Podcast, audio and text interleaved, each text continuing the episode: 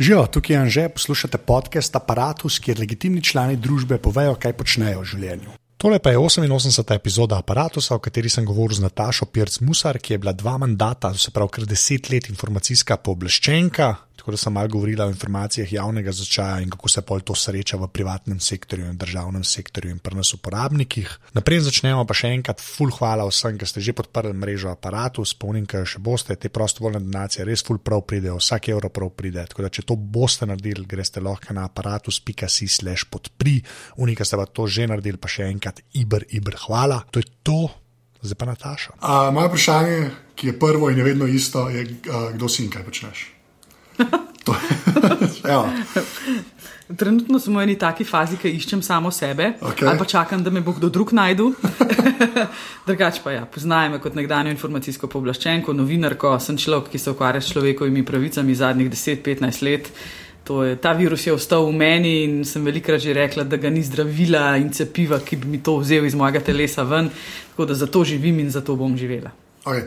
Pa, pa, sam malo se moramo tega dotakniti. No pa dejva. Ker pač tam, tam sem zdaj prvi, tam smo te vsi prvič videli, sklepam. Kako, kako sklepa šla? Ker ti si bila proper on-screen človek. Ne? Tako, mislim, ti si bila na TV-ju, ne samo veš, kot ljudje, ki delajo v televiziji in jih je tam mnogo, ampak ti si bila dejansko na TV-ju, kako si tam prstala? Jaz sem v bistvu najprej začela na radiju. Aha, uh, sem bila radijski človek, tam na pri ta mali sestrci čez cesto. Uh, začela sem pa na lokalni kabelski televiziji, no v Kamniku. Ja, res je, tam sem imela eno oddajo za otroke, muca, maca se je reklo. Uh, ja, to je bila ena taka luškana izkušnja. Potem je Tanja Pirševa, takrat je bila to urednica uh, Ragle, to je bila ena taka mladinska radijska oddaja, sem prišla tja. Potem je pa Lado Ambrožič prvič v zgodovini televizije naredil audicijo za voditelje informativnih oddaj, prej so bile samo audicije za razvedrilce, ne, za razvedrilne oddaje. A une se je pa zbirala. Pač, Ja, Aha, une, okej. une si se je zbirali po lepoti, po stasu, po gobčnosti. Uh, in takrat sem se prijavila, 400 prijavljenih, nikoli ne bom pozabila, full nas je bilo, polna, polna, polna avla RTV-ja oziroma televizije takrat. Jaz sem splavala ven z osmimi in pristala na televiziji. evo. Ok. Ampak ti je bilo, kaj bo ta preskok, radio, TV, to zmeram, sem že par takih ljudi imel. A ti je bilo vse en, ali imaš kaj rajš? Jaz sem imela na koncu rajši televizijo, moram priznati, ja, zato ker mi je bila bolj kompleksna, bolj, bolj, bolj, bolj okay. je Okej. bil medij, ki je pokazal ne samo, bo rekla, glas, ne, uh, ampak je bilo treba tudi sliko pokazati tisto, o čemer govoriš. In velikrat sem rekla, če je treba na časopisnem mediju ali pa na internetnem mediju danes ne, dobro pisati, odštejmo zdaj podcaste, ker zdaj se tudi to seveda spreminja. Ne, je bilo treba znati dobro pisati, je bilo treba znati tudi vece postavljati, si moral biti zelo pismen. ko Ja. si prišel na radio, si na vece lahko pozabil, ker si govoril in ne, če si znal dobro govoriti, se ni slišal, kje si vejco spustil. Ne.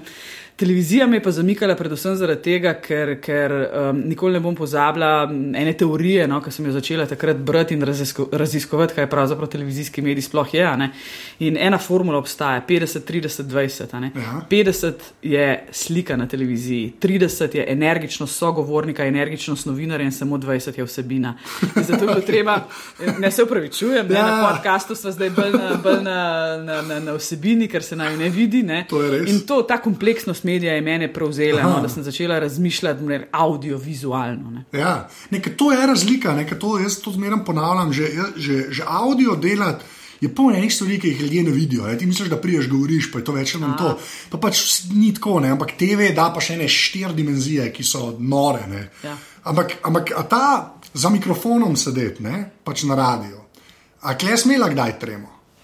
Tako ali ne? Veš, kako ti bom povedala? Uh, vedno imam tremo. Tudi zdaj, ko sem k tebi prihajala, Ja. sem razmišljala, kako se bomo mi dva pogovarjala, na kakšen način boš ti Ja. zdaj mene spravil do tega, da ti bom povedala tisto, kar hočeš.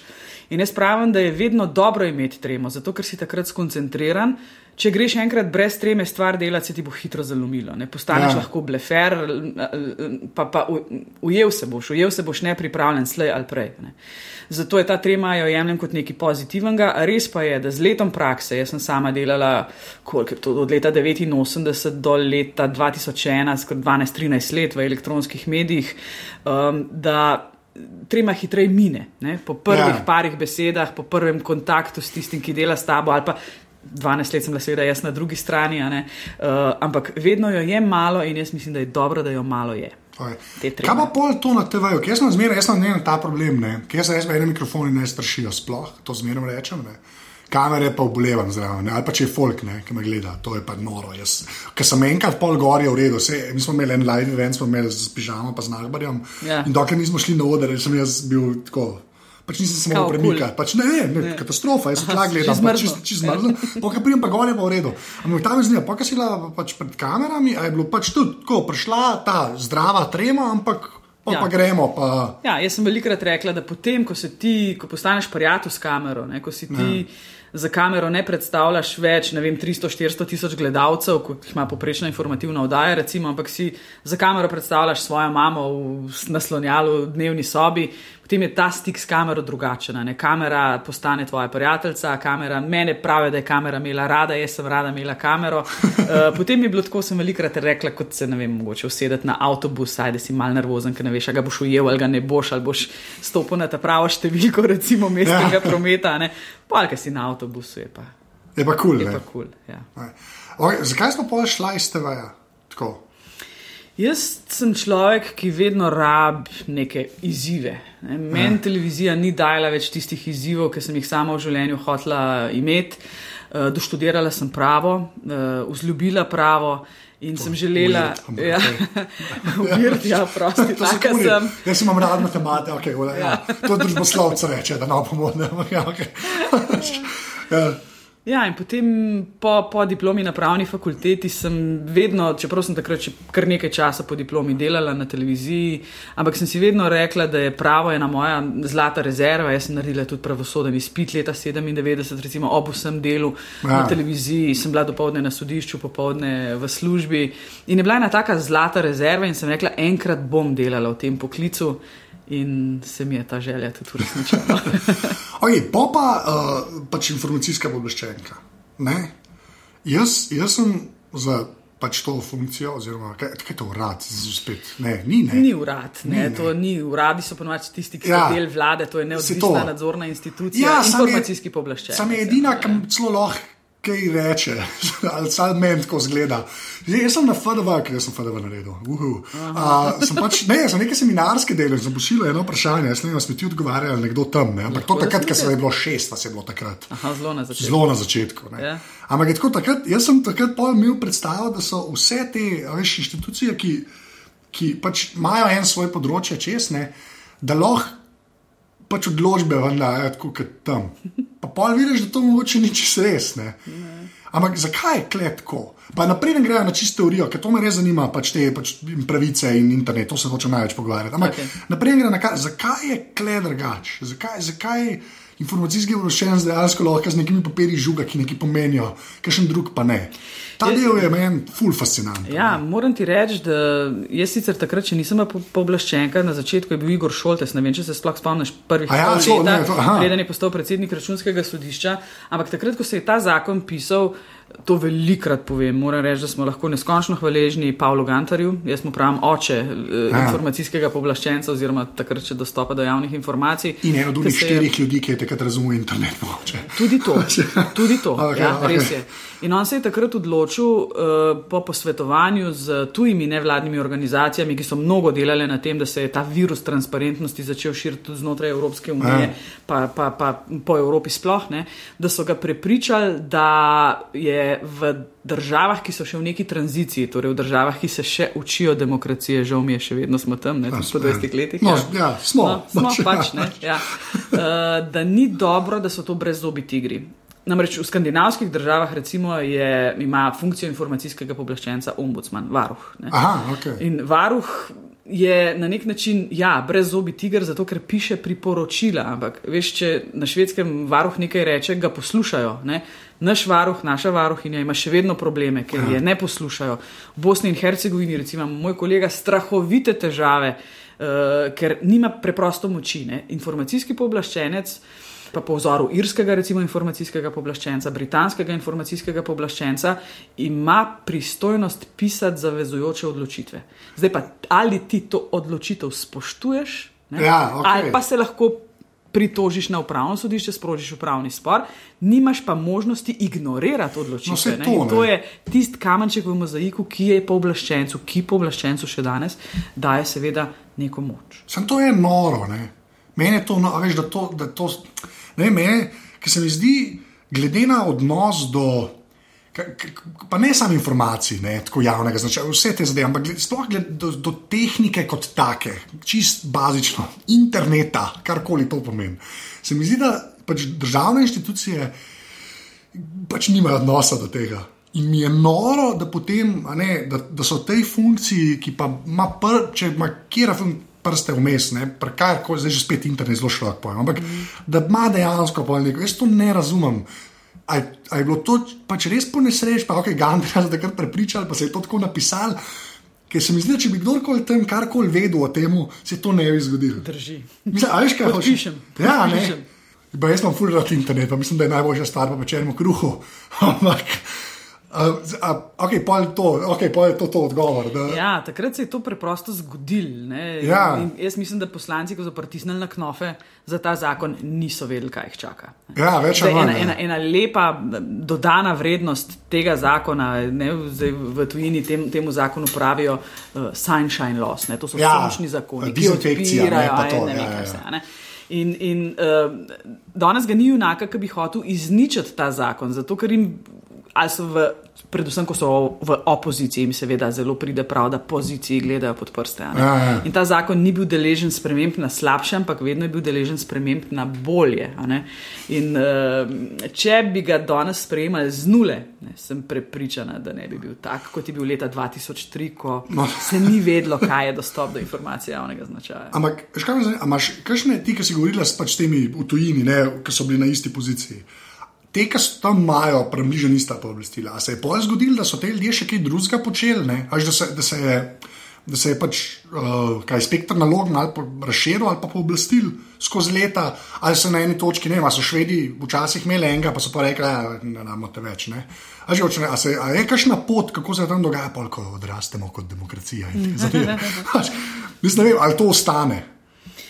V vseh državah, kjer so sprejeli zakone o dostopu do informacij javnega značaja, če pustiva zdaj varstvo osebnih podatkov Ja. v strani, ki je povsem druga zgodba v Evropski uniji, ne, so ti zakoni bili vedno deležni sprememb na boljš. Nis, nikjer niso skvarili recimo tega zakona. Aha, okej. Mogoče v kakšnem delu, kje, ko so poskušali recimo na Irskem dati. Uh, upravno takso, da bi zmanjšali pripad zahtev na pooblaščenca, pa so rekli, 150 evrov stane, da se sploh lahko informacijskemu pooblaščencu pritožiš, kar je slabo. Ja. To ni izboljšava. ne. Ampak kar se tiče vsebinskega dela, pa moram reči, da to, vsaj to, kar je znotraj Evropske unije, dosti dobro funkcionira. Uh, nikoli pa ni tako dobro, da ne bi mogli biti še boljši. ja, okej, ne, to to pa je. dejstvo. Vsi tisti, ki delamo na določenem področju, si seveda želimo biti bliže perfekciji, ampak uh, to je tako na koncu ni možno. Ne. Okay, pa, pa da me še tako vprašam, kako si pa ti sebe videla tam noter? A veš, ampak čist pač. Oh, kaj jim pes med kegle, no, Ja, no, ne, ampak, ne, ne, ne, ampak ne, ampak je pa tam drugače vprašal, no, da ne čisto, ampak bolj v smislu, um, kaj, kaj, kaj si ti mislila na začetku, da je poslanstvo te funkcije, pa kaj si pol dejansko počela, pa kaj je bilo na koncu. Veš, kako če ne, ali, je ali, ali si prišla na to, da točno veš, če nisem uživala? Verjamem, no, se ta, ta razkorak me zanima, ker se mi zdi, da takrat že spet nekaj, da to, to, to nova zadeva, kaj je svem, kaj, kaj, kaj smiselna, ker skaj prišla, da že delala. Ne res, to me res zanima, ker je. A veš, da sem na začetku pišuka ful razmišljala, ali to je za me ali ne, kaj je tam en dostop do informacij javnega značaja. To je tako eno osko pravo, tudi kot recimo kar kazensko pravo, ki se z njim ne bi ukvarjala. Kaj če se cel življenje sam s kazenskim pravom ukvarjati? Jaz Ja. sem hotla ful velik prava znata. Ne? Ampak po parih mesecih, po enem letu pa zagotovo sem jaz videla, kako široko je to področje upravnega prava in dostopa do javnih informacij. Mi smo se ukvarjali z zakonom o veteranih, z elektromagnetnimi sevanji, je bilo treba preštudirati, koliko elektromagnetnega sevanja škodi vem, človeku ja. pri razkritju informacij, tajni podatki, zdravstven, zdravstveni uh, podatki. Jaz sem se v teh desetih letih toliko velik naučila, toliko enega prava spoznala. Ampak, če se spomnim sebe prve dva dni, no, kvam je zdaj ten ta zakon o dostopu do informacij javnega značaja, bom premetavala pet let, da mi bo ful dolg čas. Ne? Ampak A ti lahko povem eno stvar. Meni v službi vseh desetih letih, torej v dveh mandatih, ni bilo dolg čas, niti en sam samca dan. Pač verjamem, to, to mi je čisto logično. realno. Ne, ampak, veš, kaj me še zanima, pa, pa, pa ta druga stvar, ne. Glej to, kar se to vsega dotika. Ne. Ampak se mi zdi, da je to zdaj še toliko bolj. Va, mislim, ne važna stvar. Mogoče je to lažje, da se vsega dotika, zato ker te informacije dejansko so dostopne. Čist v smislu, čist praktično, včasih si mogel iti v neke arhive, pa neki, neki vzeti. A veš, ko, zdaj, ki so pa pač, ker se sam PDF, po, ponavadi, nažalost, PDF po, pošle, ne, se mi zdi, da je pa tega, veš, pol une irske ideje o 150 evrih, ki nekaj mogoče tako že malo dobro zvenijo. Ker je, veš, koliko je teh, mislim, koliko je teh stikov z vsem, ki jih pol tam imaš. Veš, kaj si rekel, elektromagnetno sevanje, pa zdravstvo, pa ampak na, na koliko stvari se lahko pol preklopiš, da vidiš, kaj vse je dejansko dostopno, tako pa zdaj govorim po mailu. Ja. Veš, tukaj pa je informacijski pooblaščenec, vendar le mečkano omejen, ni kot ena ne vem, nevladna ali pa kvazi nevladna organizacija. Čeprav smo se velikrat tako obnašali, ker smo bili malo aktivistični, zaradi tega, ker je bilo treba propagirati to temeljno človekovo pravico. Ampak eh, informacijski pooblaščenec je pritožbeni organ. Zelo je odvisno od ljudi, koliko ta zakon uporabljajo. Mi sami, pa do, jaz se upravičujem, ker se še zdaj Ja, ja, personaliziram s tem uh, uh, organom. Ljudje morajo zahtevati informacije in šele potem, ko jih ne dobijo, informacijski pooblaščenec skoči. In tukaj jaz vidim še ogromne priložnosti, predvsem na open data. Ne, Ja. Open data je nekaj, kar je, ali pa ta proaktivna transparentnost, to je zdaj nekaj ena moderna smernica znotraj dostopa do javnih informacij. In v Sloveniji se mi zdi to ponovno uporaba informacij javnega značaja, ko še premalo izkoriščamo. Tukaj še ogromno, ogromno stvari za narediti, ampak spet, ti moraš na drugi strani v zasebnem sektorju imeti neke entuzijaste, ki znajo prepoznati vrednost informacij, ki jih proizvaja javen sektor, znati to informacijo potegniti iz pult organov z rok, ne, velikrat Ja. je treba spult in jo potem znati obdelati, narediti nek value edit in potem narediti nov produkt in ga prodajati na trgu. Ja, ampak, Ni no, problem, ta- ta... ni treba, da je vse zaston. No, se to, ampak ja. ta izpult, ne, kle, kle, jaz vem, da ti mogoče misliš čist na, da ti oni sploh karkoli dajo. Ne. Zdaj, mene tudi ena druga stvar zanima. Ne. Kaj pa že spet tako čist tehnično? Ker jaz, tako, jaz sem javno prav študiral. In Jaz, imam- pač jaz, um, jaz imam monstro ta problem, da na državne institucije, karkoli, zdaj pa res karkoli, se je zelo težko preklopiti v smislu, Kaj, že- jaz sem zmer, uh, te spletne strani, recimo, pač v javni upravi, ne, so ta o nas spletne strani. Ne. Ampak to, jaz mislim, da je to največji problem celega tega šmorna, ne, ker ta izpult informacijo, kakršno koli, od kogarkoli. Pa zdaj, ali jo oni skrivajo ali ne jo skrivajo v smislu, da jo ima zaklenjeno. Ampak sploh jo dobiti ven. A se, a, a se sploh da na vse preklopiti, pa na koliko stvari se sploh da preklopiti. Veš, da, da, pa ne govorim zdaj samo, da ti mail pošlješ v PR službo, onga pač organa, ministrstva, česar koli. Ampak A, a, on, a država sploh lahko daje stvari od sebe. Tudi takrat, ko se jim reče, brez da je to eden, ki gre skenirati neke papirje. Pač, to. Država bi morala več dajati od sebe. Ja. Zdaj, če se spet dotaknemo te ponovne uporabe, znotraj Evropske unije so zračunali, da je 80 milijard evrov potencijala pri ponovni uporabi javnih informacij. Ti bom povedala dva primera. Jaz sem Ja. v eni komisiji. Uh, pri enem evropskem projektu smo ocenjevali te reuserje, torej te, ki ponovno uporabljajo javne informacije, koliko je en projekt catchy, recimo pa uporaben za javnost. Jaz sama osebno sem glasovala za projekt, mislim, da je bilo mesto Madrid, ki, kjer je en mm, reuser naredil app, aplikacijo, koliko so čakalne vrste na urgencah. Ko se tebi zgodi ena nesreča ali pa tvojemu svojcu ali pa komorkoli, pogledaš na app in vidiš, je una bolnica, o, šest ur čakalne vrste, aha, deset km stran, ta druga bolnica, skoraj nič čakalne vrste. Da ti tak app narediš, seveda, rabaš biti preklopljen na bolnice, zato Ja. da vidiš, kakšen je, mu rekla, flow ljudi na določeni urgenci, a ne da lahko tak podatek, seveda, daš v javnosti. Ampak te podatki načeloma obstajajo, veš, to mene Obstajajo, zanima. seveda ne. obstajajo, sem skopati jih je treba ven, ful velike tudi v Sloveniji, Ja. zadev, ki so popolnoma informatizirane. ne. Ja. Ta, drug, ta drug projekt, no, ki je pa na drugem mestu bil, je bil pa projekt tudi enega večjega mesta v uh, Evropi, kjer je pa, uh, smo dali pač drugo mesto, drugo nagrado aplikaciji, ki je pokazala turistom, kje se nahaja dostopna brezplačna pitna voda. Torej, kje znotraj mesta na zemljevidu imaš ti pipco, To Kjer sklepam, lahko da ni dobiš bilo v Španiji. Pitno, ne, ni bilo v Španiji, ne vem, da je bil London ali nekaj, nekaj takega je bilo. Ne.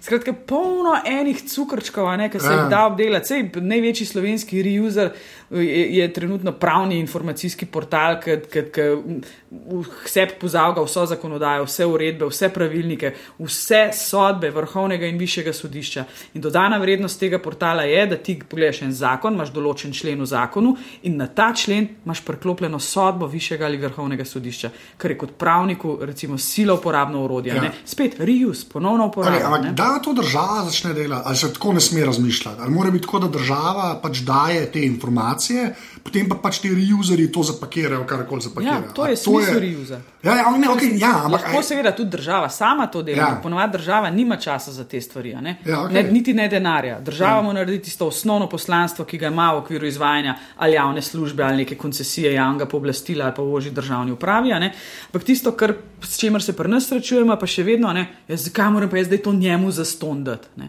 Reuse, smisel vsega tega je na makroekonomiji učinek. Ti imaš podjetje, ki bo reuzalo, bo zaposlilo toliko in toliko ljudi in toliko in toliko davka boš ti dobil kot država nazaj. Ja. Na, enem, na eni stvari, recimo, A čak, to je dejansko že zmeren problem, da se kaže, da s tom daje informacije. Ja, z- ne, Od države. Ne, tako, ja, mi pa to ne bi dali za ston. Vidite, da je davkoplačevalc že plačal. a ne? Mi smo imeli recimo en hud problem z okay. Gursom, lahko čist konkreten povem, Ja. ko so jamari zahtevali karte podzemnih jam. Ne, zato, da bi to potem vsem jamarjem na portalu ponudili, da bi povedali, ne vem, kje so n- m, varne plezalne smeri v jamah, kje je nevarno, vse kuntre četrta. Ne? In Gurs najprej ni hotel teh kart dati ven. Sploh pa ne brezplačno. Jamari so kaj? rekli, Ker- ker kaj, ker je ne vem, ker so se oni matrali, da so to naredili in zdaj ne pa to un na drugi strani plača. Mi smo Ja. rabili napisati odložbo pri povlaščencu in jim povedati, oprostite, jamari bodo portal naredili za ston. Zato morate tudi vi za ston dati informacijo, ne? in oni bodo to dali uporabnikom naprej.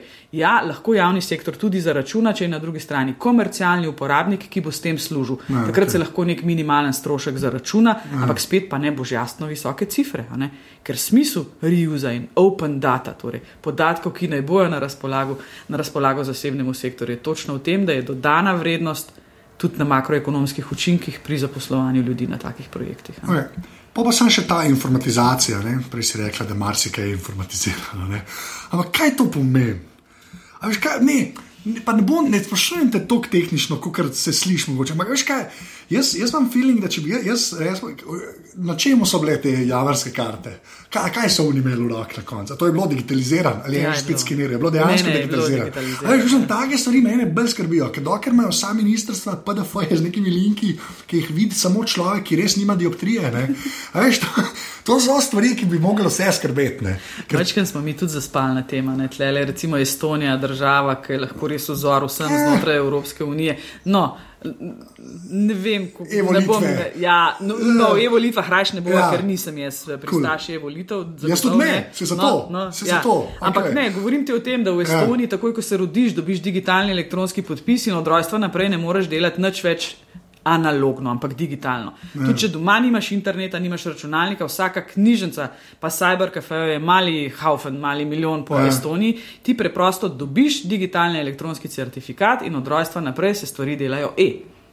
To je recimo nekaj, kar je naredila Ja. ja. Estonija, mrskašna država znotraj Evrope ni. Slovenija je močna na registrskem pravu. Ne? Mi smo zelo povezali registre med sabo, pa smo jih digitalizirali, ne zemljiška knjiga, katastr, centralni registr prebivalstva. Predvsej tega se je. ampak če katastr, še pa digitalizacija, Ja, ja, no. stavko je kar noro. Ja. No, ampak tako, ker pač, pa, pa sam te ta temne strani, ne, pa, recimo eni Estonci, ne, pa, ki je vse pač elektronska. ne. Ko- Koliko je pa tega, koliko se vi tam med sabo, ste se, zdaj nisi več, ampak koliko ste se tam med sabo pogovarjali o teh zlorabah? Pač? A veš o tem, da se pač na, na, na te baze podatkov lahko priklopijo ljudje, ki imajo tudi druge namene. a ne. A veš, ker ti si na eni strani, ne, si bila zmeraj uh, ta tako nekak glasnik tega, da bi, ki je treba, da naj država da. Ne, Pa na drugi strani pa zmeraj da stvar, da moj bog Google brez zraven spustiti, ki je privatna firma. Ne. In ta tenzija me res zanima, kako to operativno izgleda, ki ste se tam dobili, informacijski obveščenci. Kako to tam izgleda? Tam en rogov je pa reče, da ja, švabi vemo, da so, pardon, Nemci. Ne? So pač, to je, no, oni so anti, tam, vsi blerajo si hiše. To, to me res zanima, kako se temu, o tem tam pogovarjajo. To že v štartni poziciji je takoj ta pomislek, ali imaš te ljudi, ki so samo open, da imamo vse deliti vsem korporacijam, ljudem vsem. Pa pol, tako kot si bila ti, ki malo mirijo, kar se teh korpo zadev tiče, pa ljudi, kam menimo neč dati. A je cel ta spektr ali ne? Ja, tukaj moramo zdaj se dotakniti ene stvari. Ja. Open data, pa reuse imata seveda eno veliko coklo, ki se ji reče varstvo osebnih podatkov. Šokantno. Ja. Šokantno ja. Ampak, mnogo informacij, ne, kar se tiče reuza, absolutno niso vezani na osebne podatke. Tako da ogromno stvari se da delati anonimizirano, kot recimo čakalne vrste na urgencah, kot recimo ortofotokarte, ne vem kaj, vse tra, prometni podatki, vreme, vremenski podatki. Tega je ful. Ja. ja, na koncu seveda, ko prideš ti na data protection tam je pa treba biti bistveno bolj previden. Jaz, seveda, ker sem se ukvarjala s tem deset let, vidim, da open data in big data nista prijatelja med sabo. Ja. No, in... Čeprav mogoče zelo podobno zvenita, ampak tukaj ja. imamo mi dva diametralno nasprotno uh, um, pozicijo. In uh, pri osebnih podatkih, pa seveda, jaz nisem pristaš združevanja zbirk, niti ne znotraj državne uprave, kaj šele pri reuzu. Zato, ker enostavno core business informacijskih pooblaščencev, tisti, ki, imam, ki smo imeli, seveda, tudi pristojnost varstva osebnih podatkov, je pa tudi ta, da je treba pri področju zasebnosti, pri varstvu zasebnih, osebnih podatkov, opozarjati na to, da združevanje zbirk, torej ta veliki brat, omogoča pretirano segmentiranje in profiliranje posameznikov. To je pa tisto, kar si kot posamezniki ne smemo želeti. In um, največkrat sem seveda bila, pa ne samo žalostna, včasih morda tudi jezna, ko slišiš z druge strani argument, sej ne imajo o meni popolnoma vse, jaz nimam česa skrivati, nič ja. narobe ne delam. Ne. To je v bistvu najslabši argument, ki ga lahko daš samemu sebi ali pa družbi. Ker s tem impliciraš na kaj. Če nekdo nekaj skriva, zagotovo skriva nekaj slabega. Ja. Pa ni to to. Jaz vedno pravim, zasebnost je lepa, je moja, jaz se hočem odločiti, kdaj bom nekaj dala ven javnosti. Če se kdo drug odloči na mesto mene, da bo nekaj javno, mora za to imeti prekleto dober razlog, predvsem pa država. Ja. Zato sem jaz vedno ropotala, recimo pri objavi davčnih dolžnikov, pri združevanju katastra zemljiške knjige, registra nepremičnin v en javno dostopen registr in tako naprej. Ja, ti zgor so bili tako verno. Ampak, ja. tako, ampak me, ta, ta del me zanima, ker. Glej, tudi tako, lepo si rekla, ne? ta pač open data, pa big data. Ampak na, eni, veš, na enih točkah sta te dve zadeve, mislim, pa te informacije so si tako blizu, da, da, da jaz, jaz težko vidim, kdo to gleda. Veš, kdo gleda, kje so pa zdaj osebni podatki, pa kje, kdo, veš, že, kaj se pravi, okay, gledaj, katastar pa to. Ne? Okay, se ne dajo skupno zbirati, ampak po drugi strani, pa če bi ti hotel videti, kako so parcele, recimo, narejene, ne? pa pol brez imen, recimo. Ne? Ali je to meja, ne? ali je meja, da v bistvu parcel ne vidiš, pa lahko samo za enega vprašaš, pa moš neki. Ne, ne, ki... meja je točno tam, kjer si rekel. Ja, ja, vidimo parcele, vidimo, ja. vidimo zračen posnetek parcele. No, ampak to me zanima, je to zmerno tako črno-belo, da se to črto vedno da tako lepo potegne.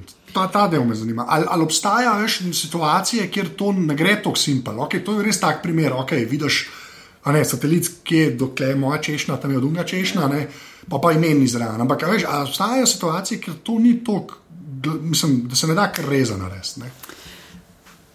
V principu bi se ga morali dati, no? ravno ja. zaradi tega načela sorazmernosti v pravo, ne obdeluj točno toliko podatkov, koliko jih potrebuješ za dosego namena.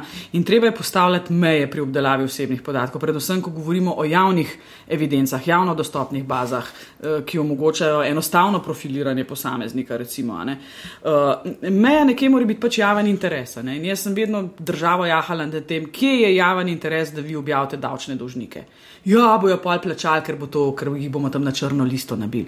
Ja, super, ampak meni kot pooblaščenki je to povedalo, kaj. Država ti si tako blazno nesposobna davke pobirati, da na koncu ne vidiš nobene druge možnosti več kot javni linč, da objaviš te ljudi in potem mogoče pričakuješ, da bodo zaradi tega, ker bodo linčani na javnem državnem ja. portalu plačali davek. Pokazali se je točno to, kar sem rekla. Niso plačali davka. Problem je, ker ga država ni znala izterjati, mrska še se je pripeljal tok do konca, da mu niso imeli več kaj vzeti. In, in ta javni interes no, je torej tisto, kjer je bilo potrebno postavljati meje državi, kot recimo največjemu upravljavcu zbirk osebnih podatkov. Ne.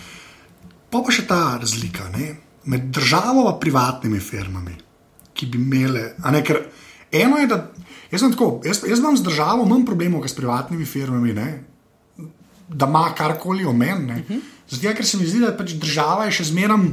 Tukaj si rekla, ne v Estoniji, ki se rodiš, dobiš, dobiš pač uno, je potrdila. Ne, mislim tako, si, tam si, ne, zdaj pa privat firme jemljajo, te stvari. Ne, na robe sem rekel, privat firmam pa mi dajemo te stvari. Ne. Ja, dajmo za bombončke. Ja, no, no, no, ampak kle, kle, se- kle upam, da so lahko kregale. Ampak No, te se. bombončki, pa to, kaj s tem misliš? Daj to povej. Kje, kje ti vidiš kle? Pa lahko Google, ki je pač t- t- glavna zmerna na tapeti, ne firma. Ampak kaj, kaj, zakaj je to slabo? Tako vprašam, največ splošno. Vse vedno ni slabo. Ja. Ja. Uh, jaz ti bom povedala eno stvar. Danes so osebni podatki valuta, plačilo. In jaz mislim, da se ljudje premalo zavedamo, da mi z osebnimi podatki plačujemo nekaj, kar na drugi strani dobimo za ston, neke internetne storitve. ne. Ampak Ja. there is no free lunch. Ne. Mi z osebnimi podatki plačamo Googlovo storitev, m, recimo mi, eh, najbolj lušne so mi bile kakšne reklame, ki jih kdaj gledam po televiziji. Ne. Zberite štiri vrečke juhice, podravka ali pa kjer je druge, uh, dajte jih v zaprto kuverto, napišite te in te osebne podatke, ime in primek, številka čelo, številka modrca, bla bla bla, vse, kar če te vprašajo. a ne. In v zameno boste dobili kuhinjsko krpo. Super. Ja. Ja. Mi smo vse te svoje osebne podatke prodali za eno kuhinjsko krpo. Mogoče. Na drugi strani pa, ja, Ja. Ne, pa za besede kave, ne Ja. vem. Ne. Uh, ampak na drugi strani seveda nastajajo velika podatkovna skladišča in ja, lahko bi se strinjala s tabo, da je danes v zasebnem sektorju tista zver, ne, ki pretina nas, kar se tiče segmentiranja, profiliranja posameznikov, večja kot v javnem sektorju. Ne. Javni sektor ima, vsaj v Sloveniji, znotraj Evropske unije, zelo velike omejitve, strogo načelo zakonitosti velja, ko moraš imeti podlago v zakonu, ko mora zakonodajalec, ko sprejema zakon, predvideti, zakaj in za katere namene se osebni podatki uporabljajo. V zasebnem sektorju delamo na podlagi osebne privolitve. Ja. Veliko ljudi je rekla, v tej smeri neizobraženih, ne vejo, kaj se v zadju z osebnimi podatki dogaja, in, in um, jih kar dajo. Ne vprašajo, zakaj je rab zaseben sektor podatek, Ja. in na koncu ne veš, kam ta oseben podatek gre, gre vse hčerinske firme, ne vem kam vse. Uh, pa vem, upam, da v piškotih danes ne bo. Ne. Ne, ne, ne, ne Kukijeva namer pustila. Okay. Okej. Ampak, uh, ne, ne, veš kaj je bolj, bolj, meni je bolj ta, ker, ker ena stvar je, da ti, um, da ti daš svoje podatke. Ne? Pa klemaš, recimo, ta opt-out, mislim, v bistvu, ali pa pač ne uporabljaš. Nočeš Gmaila Ja. uporabljati, no, ne daš do, do vsem, pač nimaš. ne, pač ga nimaš. Ne? Ampak ta drugi problem je, ker pač drugi dajo podatke tem firmam. Ne? A veš, prej je bilo vsaj tako, ti, ki si izpolnjeval knor juhice, ne. Nisi od soseda to ti mera napisal, se ti ni dal, realno. Mislim, se je dal, ampak to ni bilo tako simpel. Zdaj ne, je pa tako, ne, jaz recimo, če da imaš tvojo telefonsko številko, moje Google kontekste sem jo dal v Google. Ne. Drži, Zdaj, in to kakorkoli brez se moje da. privolitve. Brez to, ti nimaš nič s tem. In ti se lahko tepa, zato sem meni, ampak zato je meni pol, jaz ne pravim, mogoče, da, se ne, da ne bi bilo treba proti temu delati, pa tam pol vprašal, kaj se da narediti. Ampak moja poanta je, da je dejansko malo tako, um, pa pač futile je. Da, da, da ne bojo zvedeli, kako ti je ime, pa tvoje cifre, pa mogoče še naslova. Ker načeloma, ne, glede na to, kako je zdaj to povezano, je pač, dokler ne eden, ki nisem jaz, da v svoj Gmail kontakt, moj ime, priimek, rojstni datum, naslov, kar ljudje delajo, ne, telefonsko številko, ne, dokler da to noter, ne, se je to itak zgodil. Ne. Zdaj pa, če to vzamemo za bazo, ne, resno, da, se, da pač osebni podatki tem firmam pač grejo. Ne. Klej imam jaz pol Google rad, načeloma. Zdaj pa sam da razložim to mojo bizarno tezo, potem me lahko čisto uničiš. Uh, to je firma, ki pač, da bi konkretno zlorabljala te podatke, ne, bi sebi škodila. In klej jaz načeloma računam, ne, pol na dobro voljo kapitalizma, ki ne, pač je ni, ne, ampak da sebi pa te ljudje ne bojo škodili. A že hočem reči, Google, da bi nas dejansko zlorabil, ker Google, kar se tega tiče, je dost, mislim, dejansko dosti kul. Cool. Bomo videli, kaj bo čez deset let. Ampak to, da bi oni nas zlorabljali na ta način, kot te pač dejansko pri Knoru potem uničijo z 17 maili, mislim, poštami, ki si jih dobu domov, ne, pa to prodajo naprej. Ne, oni tega načeloma ne delajo, tega, ker pač, če to delajo, bo ljudje začeli bežati. In če ljudje začnejo bežati, so oni brez narja. Ne. Tako da je vsaj ta varovalka noter, ali je ni. A ti res misliš, da Google ne daje podatkov oglaševalcem? Od česa misliš, da Google živi vse te stvari? Ja, ampak to ni zastonj? ista stvar. ne. A Veš, to ni ista stvar, da oni dajo te. Veš, zato je meni meni ta razlika, kot AdSense. Recimo, veš, to, gre, to gre čez Google. Ne. In je, moja edina poanta je, da oni ne dajo uni, unmu sajtu tvojih podatkov. Un sajt lahko sam pogled, oni pogledajo sajt, pogledajo tebe, pa ti ga pol pokažejo. Ampak to pomeni, da Google segmentira in profilira tvoje podatke, zato da prek AdSense lahko oglaševalcem ponudi konkretno storitev. Okay, ampak Ne? moj, moja poanta, jaz samo mislim, da je neka razlika. Jaz ne pravim, da je to vse dobro. ne. Jaz samo pravim, da je razlika, oni ne dajo mojega imena oglaševalcu. Oglas se bo tam kazal, brez da bi oglaševalec to vedel. No, le dajo ga pa NSA-ju, a ne? Kle je pa ta težava. Ja. ja, ampak pa sem pa že spet pri pr državni, ne? zato sem te prej to vprašal. a ne. A veš, Jaz sem. To je, sem zelo, zelo konflikt, tako kognitivno disonanco imam, konstantno v glavi, kar se tega tiče. Ne. Ker po eni strani imam, re, jaz mislim, da je ta varovalka teh firm, da, no, da ne bojo vse pluvali v skledo, ne, do, dokaj močna. Ne. Vse to drži, veš, vse veš- se zelo pod prste gleda. ne. Ja, mislim- Tle, recimo, ti lahko takoj povem, Federal Trade Commission je, je organizacija v Združenih državah Amerike, ki Google, Amazonu, Microsoftu zelo gleda pod prste, kaj se dogaja na področju zasebnosti in varstva osebnih podatkov. Ampak FTC se ukvarja z varstvom osebnih podatkov kot s potrošniško pravico. Torej, Ja. ja. gleda z vidika potrošniškega prava. Ne? FTC je organizacija, ki ne more, ne zmore, ne sme kontrolirati CIA, FBI in NSA. Recimo, ne? in res je na koncu to, kar sem jaz videla, tudi ker sem bila članica te ad hoc skupine EU-USA, po osnovnih razkritih, ko smo Ja. se v Washingtonu pogovarjali. To je, to je taka zverina, proti kateri se posamezniki ne zmoremo več boriti. Res je, da se tudi informacijski pooblaščenci in posamezniki lahko ukvarjamo z upravljavci zbirk osebnih podatkov v zasebnem sektorju, lahko tudi Google kontroliramo preko FTC-ja uh, na koncu teh velikih zverin, ki se jim reče varnostno obveščevanje. Ja, oni vse kopirajo. mo- Tam nič ne moramo. a Ne? In to je tisto, kar je meni pravzaprav skerja, ne? da se na internetu zdaj te stvari dogajajo, da dolg časa lahko smo sumili, lahko smo bili naivni, pa smo si mislili, da to se pa ne dogaja. Ampak vse to, kar se je razkrilo v zadnjem letu, dni, letu in pol, ne, kaže na to, kako internet ni več svoboden medij, ampak svoboden medij. Še Ja. vedno ga uporabljamo, ampak zdaj v zadnji vemo, kam vsi ti podatki grejo. Zakaj je NSA dobil backdoor do Skypa, zakaj je dobil backdoor do Microsofta, backdoor do Google. Je dobro, zdaj so firme saj začele te kanarčke noter, da je tu Ja, naporočila, ne. Ker da to ful pomaga, zdaj Oh, sam vemo, ja. da se to dogaja. Ne. Ja, pa koliko enih Ampak podatkov je šlo, ne? tle je bil pa- Stričku samo. Ja, to ja, se vse vejo, več ali manj. Drži. Ampak kle, edina ena poanta, ki je pa klej izpostavil, to je res ujer, jaz njemu sledim čisto iz drugih razlogov. Uh, ta človek je The Wire napisal. Uh -huh. David Simon je bil pač reporter za Baltimore Sun. In so se pol, v bistvu sklesta se srečala ta dva moja svetova, jaz pa pač s tehnologijo spremljam, ne, in pol spremljam pa njega, on je meni tak kralj, da je, no, ker Wire je najboljša stvar v zgodovini človeštva, kar se serije tiče, to je fakt. V glavnem, res, če se kaj splača gledati. Um, ne, ampak on, on je pa pač tam samo eno, eno, na eno stvar opozoril, ne, ki, ki so bili ta zgražanje, ki je bil, da zdaj pa ene se vse ve, zdaj pa vemo, da vse vejo. Ne. Preko da se prav dosto v bistvu ni spremenil. Ne. Tega, ker včasih, tako vsaj zdaj za one za Ameriko govorim, ne, včasih je pač so, ki so jim prisluškovali ljudem telefone, ne, je bilo to več ali manj to. Ne. Je bilo, da, v bistvu, je, da je edina stvar. Tako, lahko si prisluškoval telefonom, če si dobil court order, kaj je to sodni nalog. Ne, recimo, ne si lahko, si lahko prisluškoval, bla, bla, bla. Da zdaj edina razlika, ki je pa pri tem v NSA-ju, da ni to problem, da NSA te podatke ima. Ne. Problem je, da, da je ta unfajsa kort, ne, da je ta sodišče tajen. Tisti je narobe. Ne. Pa rubber stamp. Ja, ampak Odločitve so, ne? Vse odobrijo. vse odobrijo. Ne. Ampak tako, jaz bi klej že spet, veš, to je ta niansa, ki se meni zdi mogoče spet mogoče vredno izpostaviti. Isto, kar prej pri Googlu. Ne. Da je klej bolj problem pri tem, pri Big Data, to je to, da so se te tako napisali zakone, da pač je ta rubber stamp. To, da oni te podatke imajo, mogoče v štartu sploh ni tako narobe. Ne. A Veš, veš, klej, veš, klej se mogoče, no, no, ampak. Ja. Ker jaz pa pravim, da ta varovalka v privatnem sektorju, da se oni ne plujejo s lastno sledo. Pa pol v državi, pač, kar se države tiče, da so neka te checks and balances, ne, in isto, da so te neke institucije, ki lahko to nadzirajo. Ne. Jaz mislim, da so, glede na to, da je neizbežno, da te podatki pridejo v te data centre, ne, pač dost.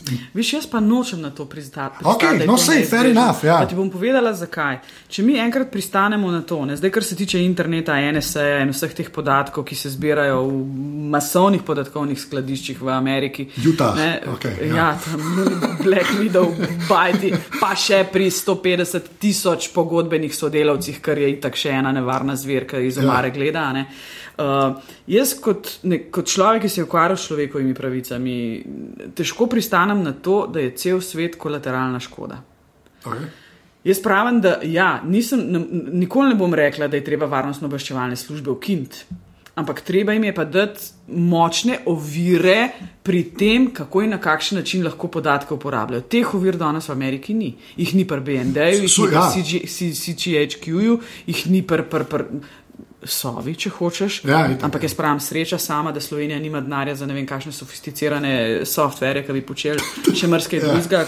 ne. Ja. Eh, In jaz pravim, da pri law enforcementu, torej pri organih pregona, redna policija ali pa varnostno-obveščevalne službe, mora biti varovalke, tako imenovane pravne kautele v sistemu, tako močne, da do zlorab ne bo prihajalo. Lej, ti ja. bom povedala eno zgodbo. Sem jaz sedela v Washingtonu in sem se pogajala s kolegi iz Združenih držav Amerike skupaj z mojimi kolegi iz Evropske unije. So oni najprej začeli, ja, veste, pa mi se borimo proti terorizmu, mi pravzaprav za cel svet gledamo, kaj se na področju terorizma dogaja. In sem jim jaz eno stvar rekla. Sem pač gledala podatke, september 2012, nikoli ne bom pozabila. V Frankfurtu so prestregali 15 milijonov srčev po internetu, 10 milijonov telefonskih komunikacij.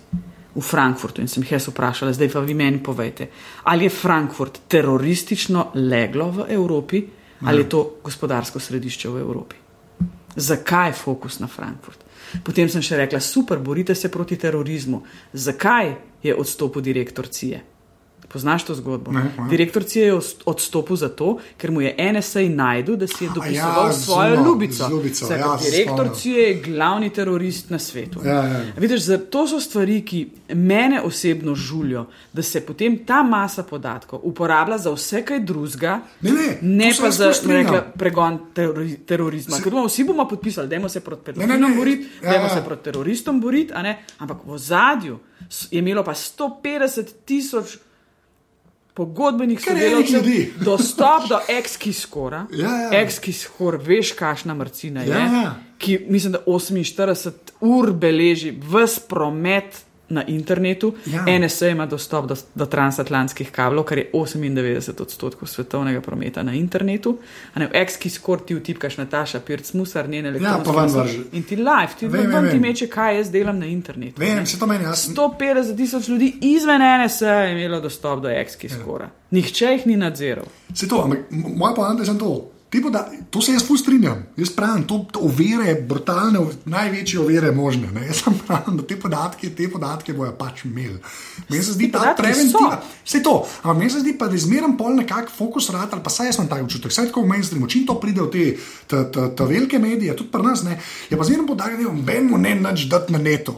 Varianta, ja, ampak, do- ampak ti povem, me, ali, ali pa jaz to narobe dojamem, a ne, ampak doskrat pol tako zgleda, kada nič uporabljati v smislu, ali pa nič ameriško, ali pa ne Gmaila imeti. ne. Kaj, to je meni tako irrelevanten podatek, imaš ti Gmail, imaš Yahoo mail, je to pač ti tako tvoje podatke ima, jaz več energije, kot si rekla, bi lahko biti usmerjen v to, da te ljudje ne morejo s tem delati, kar čijo. točno to je bila moja poanta. Ja, no, sej, ampak Tukaj poti nazaj ni več. Baze Ja. ja. podatkov obstajajo, vse večje so, vse več jih bo. Ja. Zato jaz pravim ovire postavljati na poti, predvsem to, kar se je pa pokazalo pri varnostno-obveščevalnih službah, da v tej bilateralni izmenjavi podatkov med varnostno-obveščevalnimi službami ni popolnoma ga- nobenega nadzora. Nihče ne nadzira pretoka podatkov. Pač malo v pošiljajo, pač, če ja. Seveda, Pač, ja. kar ne dobiš doma na teh famoznih mednarodnih zvezah, a ne, Ja. mm. na katerih lahko samo direktor Sove da odredbo, niti ne rabiš odredbe Vrhovnega sodišča. In če ti recimo o eni Nataši, ne boš, za Natašo ne boš dobil odredbe Vrhovnega sodnika oziroma predsednika Vrhovnega Avstrijca sodišča, greš ka v stricu in rečeš ti, ljubček, da je imel ujem na mednarodnih zvezah, pa pa v bilateralni izmenjavi meni pošilj podatke. To so stvari, Ja, ki no, mene okej, sej, motijo. to- to, jaz jaz pravim, čisto zraven. enkrat bo treba tukaj postaviti nek supranacionalni nadzor nad vsem tem, ker to so tisti, varnostno-obveščevalne službe so te, ki danes obdelujejo daleč največ osebnih podatkov. To. nad njimi nadzora ni. Klej se, viš, klej To je se moja poanta. Sej Ja, to, no. ampak se mi zdi, No, da viš, se se zmeram. strinjaš. Sej to, ampak meni se sam zdi, da se zmeram to zreducira na pač ne več Gmaila. In jaz pa Ma jezem. ja, ne. A Veš, tako, sam, ne, ampak res, res pravim, ne, to se pa ful vse strinjam, ker je pač to je grozen, sploh kar američani delajo. Vse in ostali tudi, ampak oni so edini, ki imajo dejansko resurse, to dela. Dor, pa Kitajci, ampak Kitajci, oni so svoj svet, kar tudi kar se Ja. interneta tiče. Ne, pač tam je pa Pa to- Rusi. Ne, pa. Ja, da, čeprav, kot jaz vem, za Ruse je, je tam tudi manjka denarja, da bi to resno počeli. Pač. Tako, pa je, ne vem, to so zdaj to, kar na internetu preberem. Pa dobro, pred olimpijskimi igrami so že ne, tam določene softvere kupovali spet zaradi boja proti terorizmu, Terorizmu, ja. športu in bla bla bla. ja, to je res, ja. Se je video nadzornih sistemov postavili ne vem koliko z face recognitionom in ne, vse to so stvari, ki pelejo družbo nadzora. Jaz nisem pristaš družbe nadzora. Ne, pa- Jaz pravim, da ko bomo mi v popolni družbi nadzora, je konc družbe razvoja. To je dejstvo. Zato, ker človeški možgani niso narejeni na ta način, da bi lahko funkcionirali pod konstantnim pritiskom, da nas nekdo gleda ali pa posluša. Ne? In to je tisto, kar je slabo za družbo v celoti. Okay. Pa pa sam še naprej gre na stran in programsko proti koncu. Uh, en, sam še eno vprašanje. Pa pa kako kleti noter vidiš um, pač až vlogo države? Ne?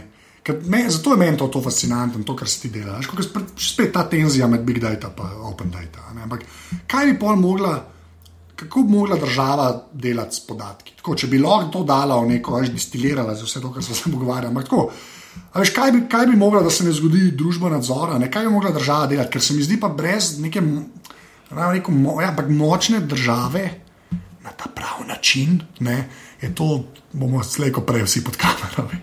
Ali ne? Ja, lej, vse države tega sveta imajo tendenco nadzirati svoje državljane. Ne? Zdaj, ene malo bolj demokratično, ene malo manj demokratično. Ja. Jaz sem rekla že tako, da obstajata dve vrsti policijskih držav na svetu. Ena je demokratična policijska država, ena pa nedemokratična policijska država. Ne? Demokratična policijska država so ZDA, nedemokratična policijska država so Kitajci, recimo Ja. Kitajska. Ne? Zdaj, Zato so tako zelo pomembne te tako imenovane neodvisne nadzorne institucije. Država bo vedno kot hrček, bo pohlepna, ona bo hotela imeti podatkov, kako jih spravi te mešičke tlele na ličkih. Ja. Um, in prav informacijski pooblaščenci, varuhi zasebnosti so tisti, ki ne bi ta balans, to ravnovesje med pohlepom države in javnim interesom poskušali vzpostaviti. Ti bom povedala eno zgodbo. Ko smo mi delali na projektu e-sociala, valjda sem jaz kot pooblaščenka morala razumeti državo, da je tukaj toliko enih malverzacij, da ljudje toliko ukrog prenašajo državo na socialnih transferih, Ja. da ja, v dobi modernih informacijskih tehnologij lahko je na take baze podatkov, seveda te malverzacije zmanjšajo na nek minimum, koliko jih ne morejo čist preprečiti. Ampak, ko smo se mi začeli pogovarjati, katere vse baze podatkov se bodo združile v e-socialo, so šli meni lasje po koncu. Mi smo bili na koncu na 38 bazah podatkov, ki so se združile v e-socialo. Od stanja na transakcijskih računih vseh bank, zemljiški knjigi, kliniško-depotni družbi, kjer imamo delniške knjige. Nema što nema, durs, dohodnina, vse se je a ne. In kaj sem jaz kot povlaščenka takrat lahko naredila? Ja, razumem, država hoče pregled nad financami, zato da te posameznik ne prenese v kol in da socialno pomoč dobijo res tisti, ki si jo zaslužijo. Ja. Ampak potem smo pa začeli jahati na dostopnih pravicah. In sem jaz rekla, kdo bo pa zdaj vse lahko gledal v to bazo? Ja, vsi referenti na vseh centrih za socialno delo. To so dobro končali. Ej, sem jaz rekla, ne, zdaj se bomo pa mi začeli pogovarjati o tako imenovanih nivojskih dostopih. In so me poslušali. In takrat smo mi naredili kaj? Centri za socialno delo so lahko dostopali zgolj na svojem področju krajevne pristojnosti do podatkov. Torej, Ja. referent Centra za socialno delo v občini Bežigrad je dostopal lahko do podatkov prebivalcev občine Bežigrad in ne za celo Slovenijo. Tukaj potem varuhi No, no, no, poskušamo okej. ne, zminimizirati možnosti zlorab in pokazati, kako in na kakšen način. Vendarle pri velikih bazah podatkov lahko zmanjšamo nivo tveganja in nivo radovednosti, ki je po vsakem človeku Ja. prisoten. Da se ti ne zgodi unik 150 ur od NSA, Tako je. ki nima nič drugega za početi. Ja. A, odlično. Okay, zdaj gremo pa na tvojo strojno in programsko opremo. To se vsi veselijo.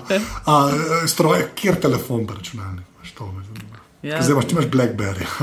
Um, imam Blackberry, ampak imam tudi iPhone. A res, a imaš dva, ok, Ja, no, sem, že- sem, um, imam oba, no, Blackberry je še ostanek tega, ker sem pač v službi imela in to je ena taka baza podatkov, gor, ki moram pa samo savo zabrisati, ko telefon crkne, da ne bojo eh, najdel te moje hodeče zbirke osebnih podatkov. Drugače sem na Macu Pro, no, imam A ja? notebook, ja, je, mislim, 15 laptop je, eh, z retina zaslonom. Retina, Ja, MacBook, a, ja, svaka tako da- to je pa nobel. Ja, ja, sem zelo ni fajn reči. zaslon. Ej, Ti zaslon je res to tudi dober. veš, tako fotografinja. To, A, ok, zahodke pa pa make obdelati, sense. pa to, Okay. ja, ja. A zdaj si videla, ker so dali lunga ven.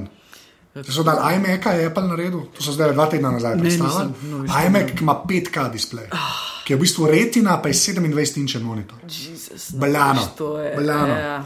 Ne, res, tako, to je pa res. Jaz nisem ga tako, po eni naredil Imam tudi iPad, A ja, minija, minija, minija, minija. tudi To je lahko v torbici, to je pa malo za na Twitter. To, ne. Ja, ja, valjda, ja. ja, sem kar, sem kar fan. No. Aha, ok, a pa si bil na Apple, tako neč. Zdaj sem bolj na Apple. A, ok. Ja. ne, fair enough. Ne, sem tako, to bi je, te- ker retina displeji so, meni še zmeraj, ker na telefonih smo zdaj že navajeni, ne, a veš, telefonih več ali manj imajo, ne, ja. tablice tudi zdaj večina, ne. Ampak to, kar pa tam tudi ne, jaz Ja, na pesmi na MacBooka 15 15, ko sem enkrat blizu videl, moj bog, kak displej je, ne. Ja. Ok, sorry.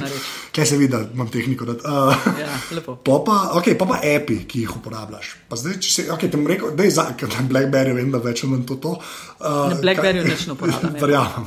Sam, sam na iPhonu. Upam, da danes bar tole posluša. Uh, Mu bova povedala, ne posluša. ja. uh, tako da, okay, na telefonu, unek jih res najbolj uporabljaš, pač tako na iPhonu. Kje je ape? Ja, Twitter, ne. Je, Kjer, ampak ja, imaš official Twitter klient, ali si kakšnega drugega kupila? Imaš official Twitter Ne, client? tega, A res, ja. ta plava ptička je. Tisti, To je tudi noro. ampak ptička, Ja, ja. okay, cool. Kaj še kakšen boljši obstaja? Tweetbot. A to- Tweetbot. Ja, no, bom pogledal. A tega je treba plačati. Ja, treba plačati, sam se Kaj pa je dodana vrednost? Boš, boš videla, že kako funkcionira, je, je človeku bolj prijazno, ker te se res tokrat premislijo vmes, da je samo bolevo. Aha. Res, Ne, ne, povem. sem Twitter fan, tako da to zagotovo. Ja, res, lep, saj sprobi. Ja, ja, no. Twitterifik bom. imaš, ker Twitterifik Ja. je tako narejen, da recimo, če si eno od njih, ki gleda vse, je Twitterifik super. A Ne, če si pa tako, da to pozabiš, kakšne tvite lahko, ne, ker se vmes pol dneva zgodi, je pa tweetbot majka.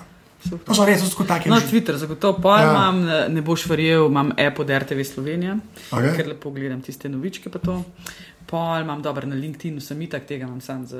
Ja, to je tako. ker je se- treba imeti, da ti maile Ma pošiljajo. ja, No, ja. okej, pač. Uh, ja, pa imam ene par igrc tudi. Kaj pa, kaj? To je, no? Uh, Tower Madness špilam, sploh ne vem, Okej, če poznaš Defense to. game, ja, game, to, to, to, to je me za, več, zvečer me uspava, tam mi oni marsovci ovce žrejo. Okej. Tako, fajn, no, je. Ne, vse je, edim prav. Zato so te naprave. ne. Oj, ka, a imaš kakšnega na iPadu, ki ga ekstra uporabljaš? A škoda je bolj, da je sam na iPadu, to zmerno pravi. Ne, Ne. bolj tako Twitter pa Safari. Ja, pa ja, to, to, Dobro, safari. Tako. Dobro, ja, nisi na kromu sklepal. Ne, nisem če na safariju. Ja, ja. Shit. Ampak, Google, Google. Ja, ja, ampak je dejansko kul, cool. ne, ne bom. Uh, bomo zadnje vprašanje, ki je tudi vedno isto. Če bi mogla izpostaviti eno stvar, lahko jo še imaš, lahko jo nimaš več, da je fizična stvar in ni človek, se pravi, ne more biti tvoja babi, uh, ki misliš, da je bila narejena za to, oziroma je vplivala na tvoje življenje, ful, kaj bi to bilo. To so elektronski koledarji. No. Okay. Jaz brez tega živeti ne znam. Okay. Jaz, Ampak ti jaz- misliš jaz na telefonih. Pač. Ja, Imam pač Ja. ja. app, App, iPhone, to, ki koledarček ja, ja. not upisujem, pa me opomni, ne, da moram nekam iti. Ne. Ja. Jaz brez tega ne znam več živeti. No. Jaz, jaz, jaz, če izgubim koledar, sem le. Okay, To, to je enako pa je. stvar, ki mi je ja. uno, res ne znam brez tega funkcionirati. Jaz se mi zdi, da se ljudje navadimo, zato ker si dal noter, imaš v glavi, itak me bo spomnil in ja. Ja. ne razmišljaš več. Drži, In pol, če te nekaj ne spomne, grejo mem stvari. ne. Uh, ja. Ja. Ja, ampak jaz si konstantno tako res sprot beležim. Ja. Tudi, če moram naslednji dan koga poklicati, v koledar za Jaz si zdaj isto delam, ja. Bla, bla, ne. In to se meni zmerno zdelo, ja. kaj vi delate to, da morate to delati, zdaj pa to štekam to. Mm. Ne, da je- tlele, pametni pišejo, jaz pravim, tukaj To zagotovo. je res. Ja. Ja. Aparatus, Pirc Musar je pisal danes. tako da. A, Nataša, najlepša hvala, to je več ali manj to. Hvala tebi za povabilo. Torej je bila 88. epizoda aparata. Natašo najdete na Twitterju pod afna nmusar, jaz sem na Twitterju afna anzet, tako da mi lahko tam težite, aparatus lahko ocenite tudi v iTunesih, tako da full hvala, če to tam naredite, ker tako še kdo lahko najde ta podcast. Sicer pa še enkrat full hvala vsem, ki ste že podprli aparatus, pa unim, ki ga še boste, to pa naredite tako, da greste na aparatus.si slash podpri. Evo, to je naslednjič to, hvala, ker ste poslušali. Čau.